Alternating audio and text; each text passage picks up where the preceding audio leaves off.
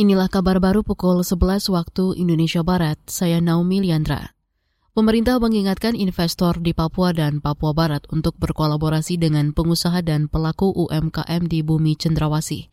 Menteri Investasi yang juga Kepala Badan Koordinasi Penanaman Modal Bahlil Lahadalia beralasan, kolaborasi penting guna meningkatkan dan menciptakan pertumbuhan ekonomi di daerah. Makanya dalam permen saya, saya wajibkan setiap pengusaha atau setiap investasi yang masuk di mana pun berada, wajib berkolaborasi dengan pengusaha daerah dan UMKM agar mereka juga menjadi tuan di negeri sendiri. Dan waktu saya membuat permen itu banyak orang protes saya, beberapa menteri tidak setuju. Saya bilang jalan terus.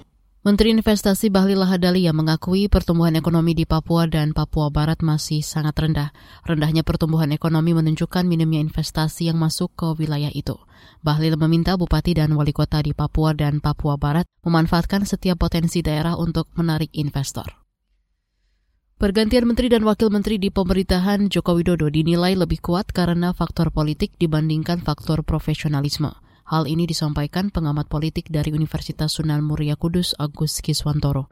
Alasannya, kata dia, ada tiga indikator dalam pergantian kabinet, yaitu kinerja, dorongan publik, dan tekanan politik saya melihat bahwa ada indikator yang ketiga ini yang cukup mendominasi saat uh, reshuffle itu dilakukan. Karena ketika parameter ini jarang dipublish uh, kenapa menteri itu di reshuffle. Ya memang itu kewenangan dari uh, presiden ya tetap mempertahankan satu mayoritas dominan itu. Buktinya apa ya? Buktinya sekarang ini dari dua menteri dan tiga wamen ini sebetulnya mayoritas ini adalah partai politik.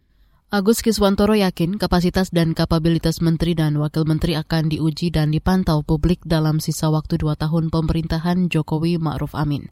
Kemarin Presiden Joko Widodo kembali merombak susunan menteri dan wakil menteri.